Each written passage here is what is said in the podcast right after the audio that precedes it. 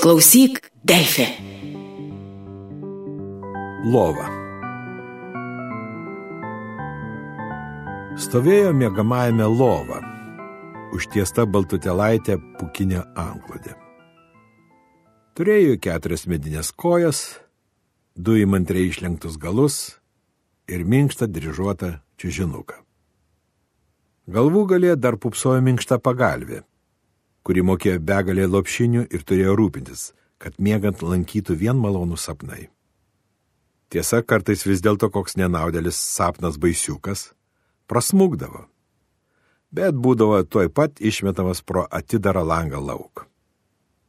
Daug kas lovai pavydėjo, nes manė, kad jį nieko neveikia, tik deda ištisas dienas į akį.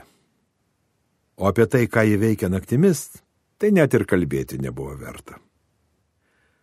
Tačiau lova nebuvo didelė megalė. Bent jau netokia kaip mergaičiukė, mažoji jo šeimininkė. Šį labai mėgo pasnausti. Tik mergaitė nepatiko, kai lova rytais ją žadindavo, siubodama į šalis ir šokinėdama kaip arklys. Naktį lova būdavo labai rūpestinga ir saugodavo, kad sapnuodama mergaitė neišvirstų ant grindų. Lova labai mylėjo savo mažąją šeimininkę ir nekantriai laukdavo nakties, kai mergaičiukė išsivaliusi dantukus ir apsivilkusi rausvus su baltais žirniukais naktinius marškinukus, šmurkštelėdavo po šiltą anklodę. O dienos, belaukiant nakties, tai prailgdavo, kad lovai net kilo mintis, ar nevertėtų prasimanyti kokią dieninio darbo. Tik kad netaip jau lengva rasti tokių, kurie mėgtų pamiegoti dieną. Stovėjo kartą lovo kambarėje prie lango pasistiepusi ant užpakalinių kojų, o priekinės pasidėjusi ant palangės ir stebėjo, kaip krinta nuo medžių lapai. Mat buvo ruduo ir lapai darė, ką tik norėjo. Vieni jų buvo nusidažę raudonai, kiti geltonai, o treti oranžiškai. Taip, kaip kuriam šoviai galva. Mat rudenį lapai nustoja klausyti medžių ir pradeda kvailioti. Einu ir aš prie jų, tarė Saulova. Plačiai atlapojo langą ir stryktelio visom keturiom į lauką.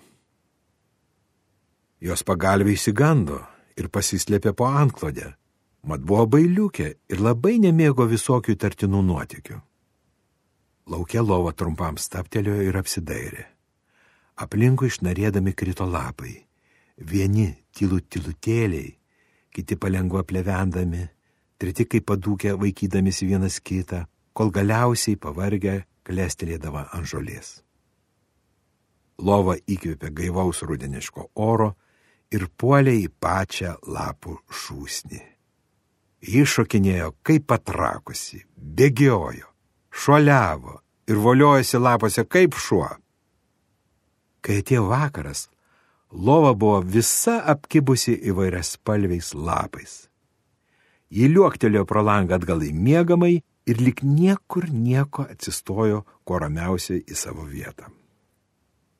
Mergaitė, kaip kas vakarą įsivaliusi dantukus ir apsivilkusi naktinius marškinukus, tuos rausvus, kur su baltais žirniukais, jau norėjo šmukštelėti po antklodę, bet staiga nustebusi net pliaukštelio delnais. Vaja, kokia graži lapuota antklodė.